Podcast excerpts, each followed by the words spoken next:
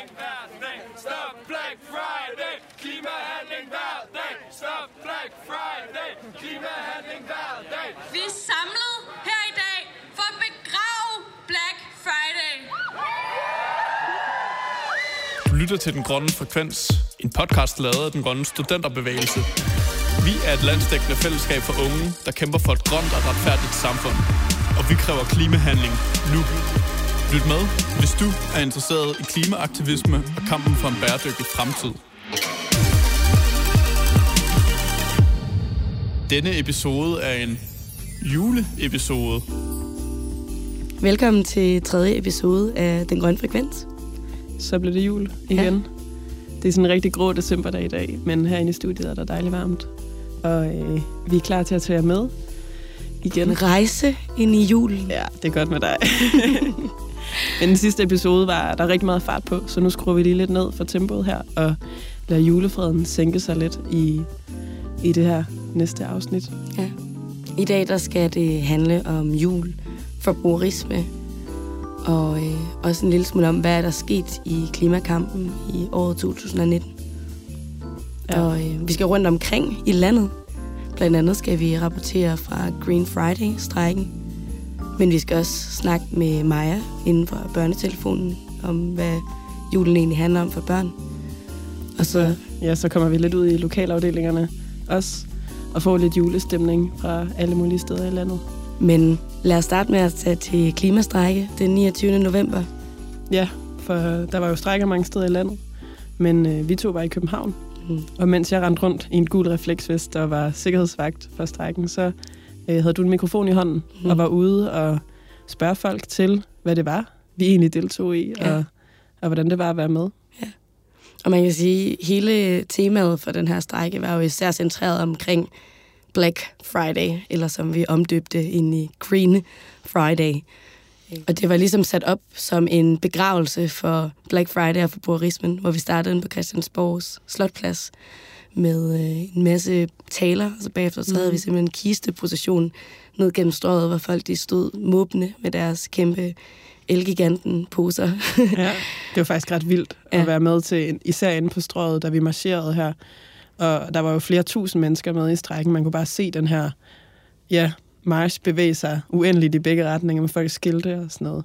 Og nogle helt vilde kampråb, der spredte sig som løbeild. Ja, der var et, et, et sted, hvor vi stod stille, ind midt på strøget faktisk, fordi vi lige skulle vente på et eller andet inden for, om foran. Og så kunne man bare høre det her sådan, stop Black Friday, klimahandling hver dag, stop Black Friday.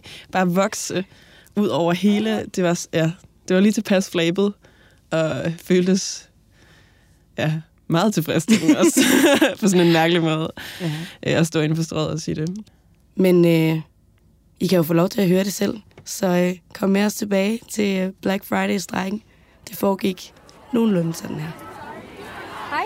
Hej. Jeg kommer fra den grønne studenterbevægelses podcast. Ja, Må jeg Ja. snakke lidt med jer, øh, mens vi går? ja. Ja.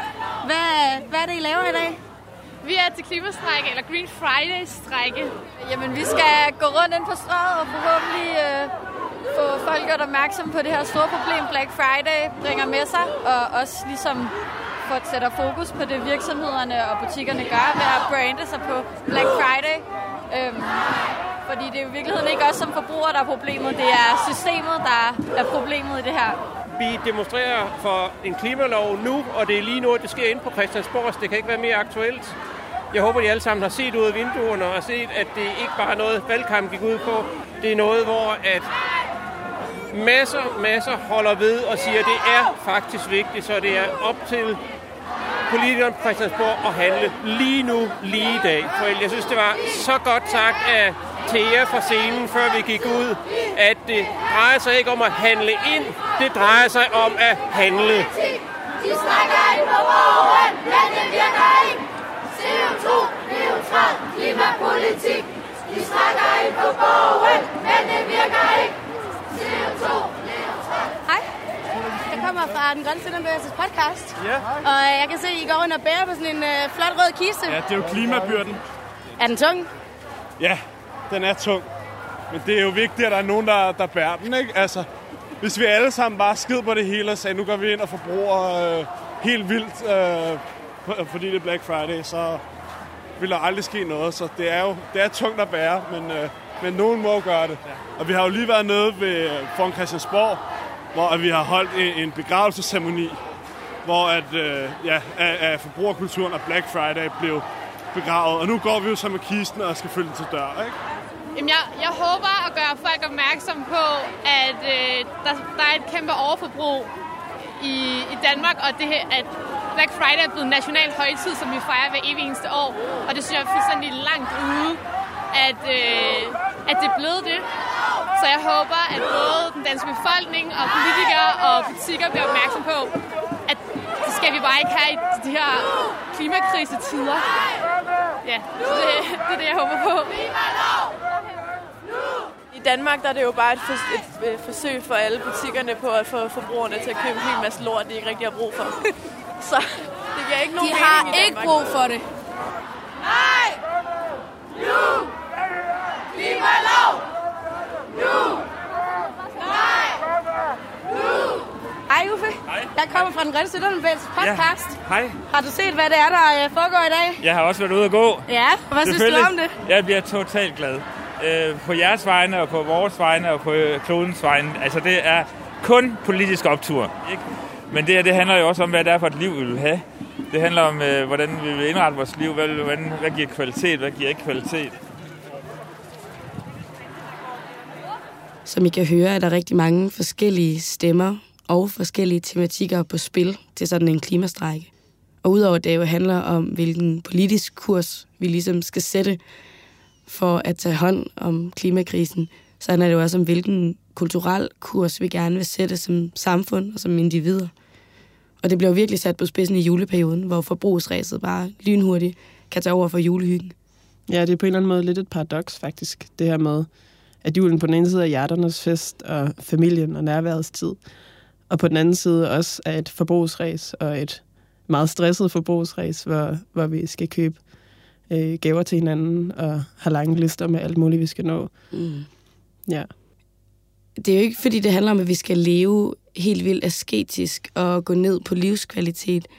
Men det handler også rigtig meget om, altså, hvad er det, vi gerne vil se i fremtiden? Hvad er det, vi gerne vil lære vores børn? Hvad er det for nogle værdier, de skal vokse mm. op med? Ja, det er på en eller anden måde også en chance for at genoverveje vores værdier, og genoverveje, hvad det egentlig er, vi synes er vigtigt i livet. Øhm, og ja, hvad det, hvad det er, vi giver videre. Og vi vil faktisk gerne, eller vi vil faktisk gerne her i podcasten, øhm, også på en eller anden måde høre børnenes perspektiv i alt det her. Øh, hvordan børn tænker om jul, og, og om klimaet og om fremtiden. Og derfor har Johan, som eller sidder her bag skærmen, været ude og interviewe Maja, øh, der er frivillig på børnetelefonen, for at høre lidt om, om børns forhold til alt det her. Jeg hedder Maja. Jeg er 34 år gammel, og jeg har været frivillig på børnetelefonen i syv år. Og de sidste fire år, der har jeg hvad hedder det nu, været det, der hedder seniorrådgiver, så jeg har været med til sådan at oplære nye frivillige. Jeg har også været med over i Aarhus et par gange nu, hvor der er åbnet en afdeling. Så deltager jeg også i mange kurser, blandt andet sådan noget om omsorgsvigt, underretning og bisidning, laver jeg meget med.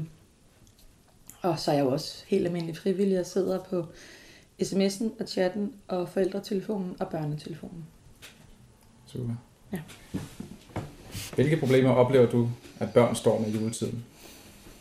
Altså jeg oplever, at de står jo, man kan sige med de problemer ofte, som de gør hele året rundt. Altså det er jo alt fra, fra kærlighed og, og, og forældre, men jeg oplever også mange, der sådan, der ringer ind eller skriver ind, altså fordi de føler sig presset, altså der er rigtig travlt, og der, der skal ske mange ting, eller også, jeg har også snakket med nogle børn, hvor det er sådan, der savner nærvær, altså det der med, du ved, nu skal vi hygge os, og det er jul, og forældrene pisker bare rundt over det hele, og eller sidder meget på deres forældre, det er jo også en, der er op for tiden. Øh, så jeg oplever faktisk, at der er mange børn, der sådan... Jeg, husker, jeg snakkede med en pige på et tidspunkt på 10, hvor hun var sådan... Selvom jeg er sammen med min mor, så føler jeg ikke, hun er der, fordi at, at, at moren var så fraværende, ikke? fordi hun havde så travlt med det hele skulle være flot og fedt og perfekt. Og i virkeligheden var det bare mega stressende. Så det er sådan... Og jeg synes også tit, jeg oplever sådan omkring julen, altså nogen, der er ensomme, eller der har, har udsatte familier, eller sådan noget, der bliver det særligt tydeligt, ikke? hvis man har en lille, ikke så velfungerende familie, eller sådan nogle ting, at det kan blive sådan meget tydeligt i julen. Øhm, ja, det kan fylde rigtig meget. Hvilke konsekvenser tror du, at et for stort fokus på gaver kan have for børn? Men jeg tænker, at altså nu, der er jo ikke rigtig, der er ikke rigtig så mange børn, der ringer ind til børnetelefonen og siger, jeg synes, jeg får for mange gaver. Øhm, nogle kan måske synes, de får for lidt gaver nogle gange, men jeg tror, eller jeg er meget sikker på, at hele mentaliteten omkring det kan fylde rigtig meget. Altså også i forhold til det der med, at, at, at fokus ikke er på, at, at man skal være sammen og hygge sig, og, og have den der nærhed, som vi har så lidt tid til i en hverdag, hvor vi har så skide travlt, at den mærker de. Fordi det hele kommer til at handle om sådan det ydre. Og jeg oplever også rigtig meget det der med, det op til jul, men også efter sådan noget, men man måler sig med hinanden. Altså, hvor der måske er nogle af dem, der ikke har fået så meget, fordi forældrene ikke har så mange penge, kan, kan føle, at det kan være rigtig svært. Og jeg tror egentlig ikke, det handler om, at de ikke har fået meget. Jeg tror mere, det handler om sådan, at det bliver meget tydeligt, hvor lidt de måske har i forhold til andre. Så der er sådan nogle af de der sociale skæld, kan komme, kan komme på spil. Og så helt klart også sådan en, en ensomhed eller en, en stressethed, ikke? Det synes mm. jeg helt sikkert, jeg har oplevet op en flere gange. Ja. Mm. Har du en besked, du gerne vil give videre til alle børnefamilier, der holder jul i år? Ja, det har jeg. I skal være mere sammen med hinanden. Altså sådan, det handler ikke om, hvor meget man har lavet. Det handler ikke om, hvad man laver. Det handler om måden, man er sammen på. Og jeg tror, rigtig mange børn, og det ved jeg rigtig mange børn efterlyser, det der med bare sådan at gå rundt en hel dag i nattøj, og ikke at lave noget. Og jeg, men jeg tænker også, at man ikke laver noget, men laver det sammen. Nærvær ikke, at man sidder med hver sin iPad, eller at man altså lukker sig ind på hver sit værelse, men at man bare sådan daller rundt med hinanden, ser en film sammen, spiller noget spil sammen, laver mad sammen. Altså sådan, sådan det helt små nære. Øhm, vi ved jo også bare, at der er så mange børn og unge i dag, der føler sig mega stresset og mega presset og mega angst og alle sådan nogle ting. Jeg tror netop det der sådan åndehul, man kan skabe i familien, at det, det mangler der rigtig meget i julen også. Det kommer alt for meget til at handle om gaver og hvad man skal og hvad man bør, og i stedet for bare at være sammen med hinanden. Ja. Hvad er dit indtryk af børns forhold til klimaforandringen? Jeg oplever, at der er sket rigtig meget. Altså sådan, da jeg startede derinde, de første mange år, øh, altså der har nok været nogle, men jeg har aldrig snakket med nogle børn de første 4-5 år, jeg var derinde, hvor vi snakkede om klima. Så var det alt muligt andet.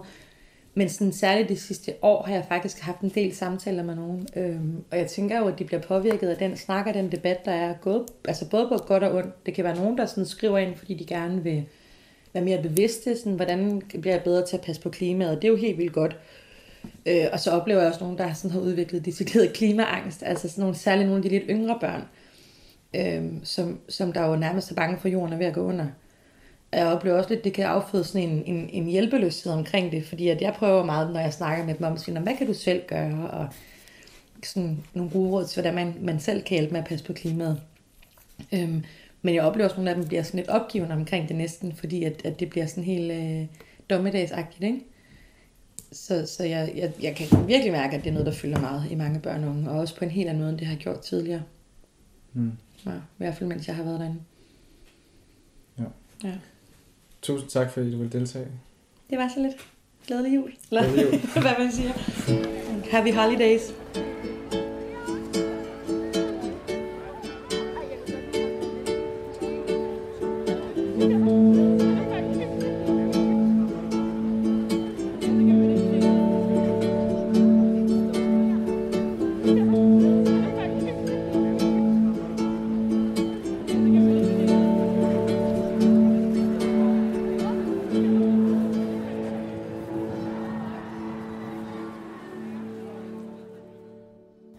Jeg synes, det er svært, det her.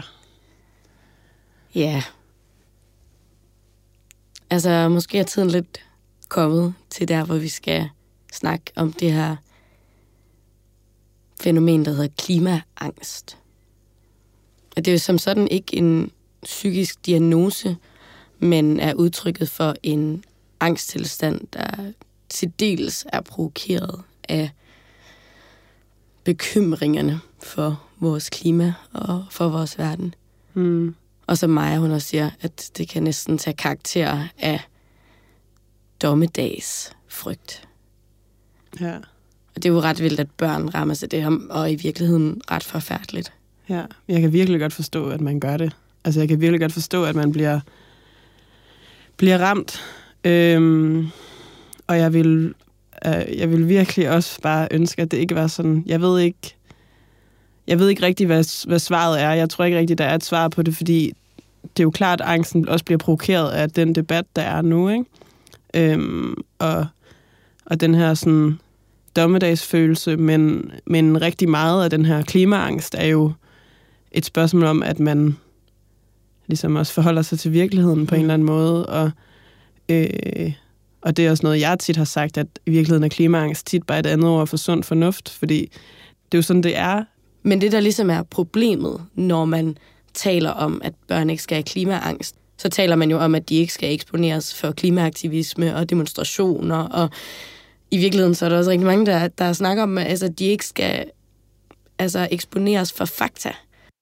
Mm. Men jeg tror, at et af de grundlæggende problemer er, at børnene ikke har tiltro til, at de voksne tager sig af det. Fordi det har vi jo set gennem årtier, er der, blevet, er der jo blevet fremlagt de her rapporter, som viser, at vi er på vej hen i en fuldstændig gal retning. Og det ændrer, uanset om man har klimaangst eller ej, så ændrer det jo ikke på, at, at fakta er sådan. Ja, jeg tror, også, jeg tror også, det er sådan lidt dobbeltsidigt, fordi på den ene side, så kan det jo lede til den her totale afmagt, som mange taler om, og som øh, de fleste af os, der i klimabevægelsen selv har følt. Det har jeg i hvert fald meget. Øhm, men på den anden side, så er det jo også er det jo også på en eller anden måde ud af den her afmagt, at, at alt, alt muligt godt bliver skabt. Og det er svært nogle gange at sådan, ikke i den der totale håbløshed, hvor man ikke, altså hvor man bliver sådan lidt handlingslammet, men i, men i følelsen af, at, at øh, ligesom også, når man forstår alvoren af problemet og bliver overvældet af alvoren af problemet, så, øh, så er det også i alt det, hvad skal man sige, aktivismen bliver skabt.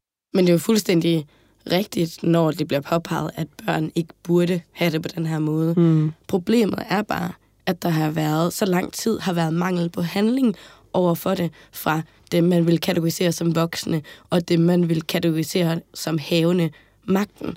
Og det er jo også det, vi oplever, når vi er ude til klimademonstrationerne. Der er så mange børn og unge, og det er ikke nogen, der kommer, fordi de er sendt af deres forældre. De kommer, fordi de oplever, at der er en, altså en kæmpe stor krise, som der slet ikke bliver taget hånd om, mm. og som bliver negligeret. Og ja, ja, vi er på vej og alt det der, men det skulle ligesom være sket for 50 år siden. Mm. Ja, og så er svaret jo heller ikke, netop derfor er svaret jo heller ikke, at vi skal holde op med at tale om det, og holde op med at tale om det over for børn og unge, øh, eller så at sige, gemme problemet lidt væk og være sådan, det må I forholde jer til, når I bliver ældre. Mm. Øhm, men i stedet for at tale, tale, hvad skal man sige, afmagtens sprog, så tale handlingssprog. Mm. Øhm, Men der har vi jo så også nogle helt fantastiske børn og unge mennesker, som kæmper den her kamp i Danmark. Og uanset om man synes, at de burde eller ej, så er det nogle af dem, der gør det allermest. Og det så vi blandt andet til klimastrækken på Black Friday, hvor de holdt nogle fantastiske brandtaler. ja, Fridays for Future, de kom på scenen. Øhm, nogle af de vildeste børn, jeg kender. Øh, og I kan lige få lov til at høre lidt fra deres taler her. Vi har ikke brug for at handle ind. Vi har brug for handling. Og derfor er det på tide at lægge Black Friday bag os. Jeg taler på min generations vegne, når jeg erklærer Black Friday for fortid. Det er absurd, at spørgsmålet om klodens fremtid i dag gøres op i kroner og øre. Mest fordi det så ikke er et spørgsmål, men bare en fucking cost-benefit-analyse. Om 10 år har vi et i morgen. For hvis Alva og jeg og alle jer, der står her, kan se, at den eneste, at eneste fremtid, der er værd at have, er en, der rimer på grøn og retfærdig, så har alle, så har alle andre nok også indsigte til den tid. Ellers må alle andre være idioter, og det kan simpelthen ikke være sandt.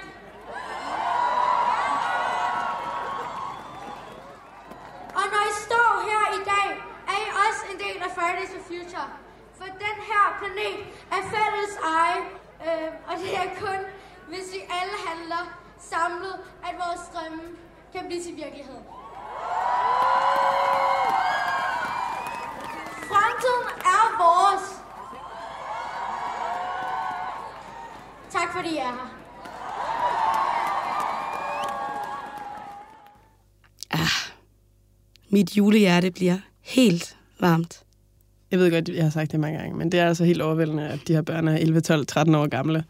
Og jeg synes virkelig, de giver os noget at leve op til. Men udover at vi ofte står og råber og holder brandtaler på offentlige pladser, så er det at være klimaaktivist jo også at være en del af et stærkt socialt fællesskab. Og det er også et fællesskab, som ikke bare findes her i studiet i Valby eller i København, men jo faktisk findes alle mulige steder i landet. Derfor kunne vi godt tænke os at tage med på en lille tur ud i nogle af vores lokalafdelinger, øh, hvor vi har spurgt dem om, hvad de egentlig tænker om året, der er gået, og hvad de glæder sig til ved det nye år. Og så selvfølgelig, hvem der har spist flest pebernødder. Så lad os tage til det lyse Jylland, Haderslev og Silkeborg og høre, hvordan stemningen egentlig er i deres afdelinger. Okay, Nå, hvad, hvad, var, hvad, var- hvad var den fedeste oplevelse i år? Mm, det er vel det med, at den står mellem den første klimastrække og borgermødet. Men hvis vi sådan tager den mellem os, der er her lige nu, ikke? så er det vel borgermødet, at vi fik det i stand, og vi deltog, og vi gjorde det godt. Ja, og fik sagt til nogle politikere, at, øh, at de lige skulle hæve ambitionsniveauet og sådan noget. Ja. Ja. Altså vi føler, at vi gjorde virkelig en forskel, og vi blev hørt. Ja. Det var en ret fed fornemmelse. Ja, lige gør politikerne opmærksom på os og sådan noget. Ja. Ja. Jeg føler til gengæld, altså sådan, hvis man skal sige, hvad der var den fedeste oplevelse, så synes jeg, at det var super nøjeren, så jeg tror nok, Mm. altså min, min fedeste oplevelse har nok været noget, en af strækkerne, nok den første. Men jeg synes også, den første klimastrække, fordi det var også bare, altså, man havde måske ikke nogen forventninger til, hvor mange der ville komme, eller Nej. sådan, og det på en eller anden måde var sådan en rimelig syret oplevelse, så at se, hvor mange der egentlig mødte op, øh, Ja. og den der fællesskabsfølelse, der egentlig kom af det og sådan noget, i Haderslev. Ja, fedt. Cool. Hvem har spist flest med pebernødder? Jeg, føl, jeg, jeg ved det ikke. jeg føler ikke, at jeg spiser så mange. Jeg føler, at Lara har spist ret mange. Ja, det gør der. Jeg føler, Men hun er her ikke længere, så jeg synes også, det er tavligt bare at være sådan... Ja. Hun var den, der spiste flest. det, det er hende, der har den nu.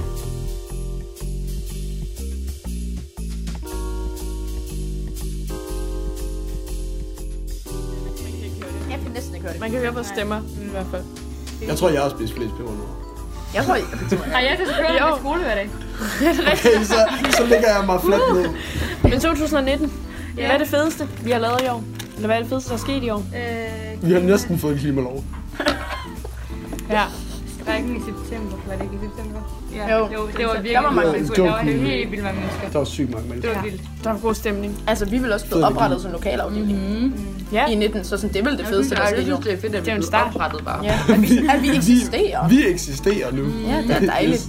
Det er ret Det, det nice. er rart. Det kan vi godt lide. Og på en eller anden måde er det bare, altså for hver måned blevet federe og federe og federe siden februar, vi startede. Jeg synes også, det er virkelig fedt, at vi sådan, øh, inden for sådan, altså efter sommerferien har vi virkelig fået sådan fællesskabet op at køre.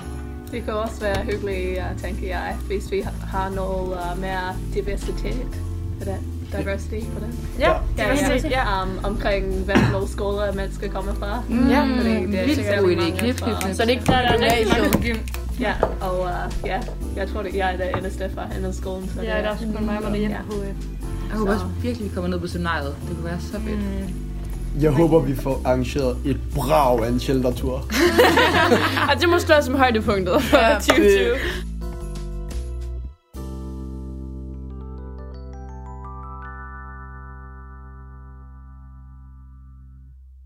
Som I kan høre, så er der rimelig meget fart på i lokalafdelingerne. Der er sket alt muligt jo. Øhm, og det er der også på national plan. Ja. Og vi kan jo godt have lidt en tendens til her i podcastet at blive lidt ananas i egen julejuice, eller ja. nellike i egen appelsin. Men øh, det stopper ja. os altså ikke, fordi Nej. der er simpelthen så mange gode nyheder, der skal deles. Ja, vi vil gerne sige, at nu, nu tager vi den lige lidt ned, men vi tager den faktisk lidt op. Ja. Øh, fordi i DGSB har vi lavet en årsrapport, som fortæller, hvad skal man sige, the greatest hits of året, der er gået. Øh, og det bliver man altså virkelig glad af at læse. Ja, der er sket kolossalt mange ting. Ja. Øhm, så kan vi lige få lidt øh, dramatisk intro, Johan?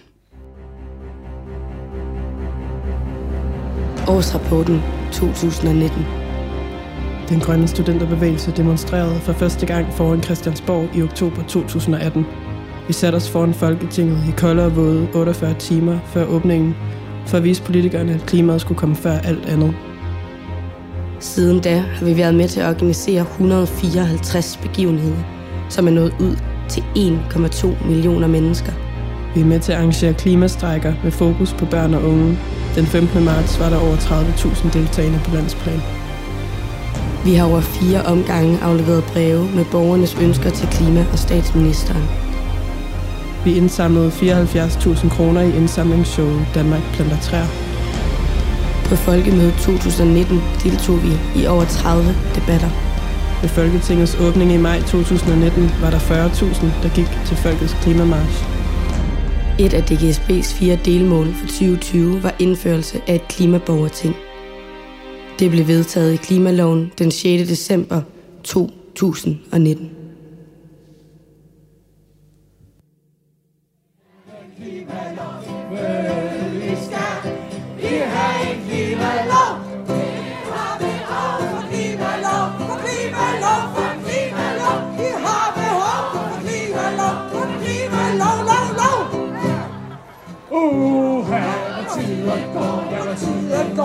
tiden går. Uha, hvor tiden går, ja, tiden går, uha. Vi burde nu have haft en rigtig klimalov. Vi burde nu vi har behov for klimalov. Vi har behov for klimalov. For klimalov, for klimalov. Vi har behov for klimalov. For klimalov, lov, lov. Yeah! Yes! Yes! Yes! For klimalov, for klimalov, vi har behov for klimalov, for klimalov, lov, lov. Yeah! Woo! Den sang var også med på strækken den 29. november. Og hvad var det så, der skete en uge efter bare? Vi fik en klimalov. Og vi fik ikke bare en klimalov. Øh, forhandlingerne de har været i gang i, jeg føler det er mega lang tid. Vi har brugt så mange timer til forhandlingerne øh, på at stå og, og demonstrere. Og øh, i håbet om, at den her klimalov den blev så ambitiøs og bindende, som vi havde håbet på. Og derfor var det også bare en helt euforisk stemning, der kom i fredags, fordi at jeg tror, at rigtig mange havde sat deres forventninger rigtig lavt. Og så viste det sig bare, at den her klimalov, den, den, er, den er virkelig meget af det, vi havde håbet på, den var. Ja, den, den, jeg vil sige, den sprængte rammerne for i hvert fald mine forhåbninger. Ja. Øhm, og vi taler også om vildt mange klimaaktivister, der har trodset kulden og stået med banner, der minder politikerne om, at altså, husk Paris-aftalen, øh, indføre klimaborgerting, og sådan alle de her virkelig ambitiøse mål, som Mm. der herskede så meget tvivl, om Ja. de ville lytte til. Og derfor var det også sådan i fredags. Jeg åbnede min telefon klokken halv 10 om aftenen eller et eller andet. Og pludselig, jeg havde næsten glemt den her, den her klimalovsforhandling, at det var i dag også. Og så, og så åbnede min telefon, og så var der bare, den var eksploderet med, Ja. Ja. med alle mulige beskeder rundt omkring i hele landet. Der mødtes DGSB'er bare akut sådan, åh, ja. vi skal fejre det her. Vi skal... Popperullen, bobler. Ja. ja. Det var helt vildt. Der var, øh, halvdelen var helt op at køre, den anden halvdel var meget rørte, og der blev Ja. ja. fældet mange tårer. Det er det vildeste, et af de vildeste momenter, jeg har oplevet ja. Ja. i mit liv, faktisk. Ja. Men øh, altså, du har arbejdet en del med klima og det her klimaborgerting og sådan noget. Kan du, Anna, kan du give os et recap af, hvad der egentlig står i den her klimalov? Ja, altså det startede allerede i starten af det her år faktisk. Så det har været en lang vej hertil. Øh, I starten af foråret så øh, var der det her borgerforslag, der hed Klimalov Nu, som handlede om en ambitiøs og bindende klimalov, vi gerne vil have, som blev stillet af alle de grønne øh, NGO'er i Danmark. Øh, og også er også i den grønne studenterbevægelse. Og de her 50.000 underskrifter, som et borgerforslag skal have, før det bliver taget op, dem fik vi altså på kun 13 dage, hvilket Ja, er helt helt vildt. også. Øh, og så var der jo klimavalget, hvor øh, det ene parti efter det andet lovede, at, at de vil kæmpe for en klimalov med 70% reduktion i 2030, som jo er det, vi har hørt mange snakke om. Og det er altså de forhandlinger, der har været her nu. Øhm, men, men i starten af forhandlingerne, der så det godt nok sort ud. Altså, der så det ud som om, at vi ikke ville få en bindende lov, og den ikke ville være lige så ambitiøs. Der ville ikke være nogen delmål, og rigtig mange af de ting, vi havde håbet på, og egentlig også regnet med, øh, ville stå i den her lov. Det så ikke ud til, at det ville komme til at være der alligevel. Og det var altså også derfor, at vi blev nødt til at gå på gaden igen, øh, trodse mm. november- og decemberkulden, øh, og igen og igen og igen og igen stille os foran Klimaministeriet øh, og vise, at vi faktisk ikke har glemt, hvad det var, de lovede os i valgkampen. Ja. Ja, og det lykkedes jo så altså, ja. til ret stor tilfredsstillelse. Ja, også det her borgerting. Mm. Øhm, det var faktisk noget, vi ikke havde regnet med, ville komme med, og vi har ikke hørt så meget om det i forhandlingerne. Øhm, men, det har også været- det er jo faktisk, og det er jo faktisk ekstra vildt, fordi det er jo en af, den grønne studenterbevægelse har de her 2020-mål, som vi ynder at kalde dem, fordi det er lidt sjovt. Øhm, og et borger, indført klimaborgerting i Danmark er faktisk en af dem, Ja. øhm, som, skal, som er en samling borgere, der skal hjælpe med at lave forslag til, hvordan vi egentlig får løst de her, øh, de her 70% reduktion i 2030. Ja. Øhm, så vi har faktisk fået indført ja. et, et 2020-mål allerede i 2019, og det kunne der også øh, fejres og drikkes nogle øller på ja. i, øh, i fredags. Ja, så, øh, så kan man godt være lidt ananas i egen klimaaktivist juice. Nej, men det er... Øh, det er en kæmpe sejr. Ja, og det er for, For vildt at lave, for vildt at lave aktivisme, hvor det bare, altså hvor det er så tydeligt, at, at det har hjulpet, det vi har gjort.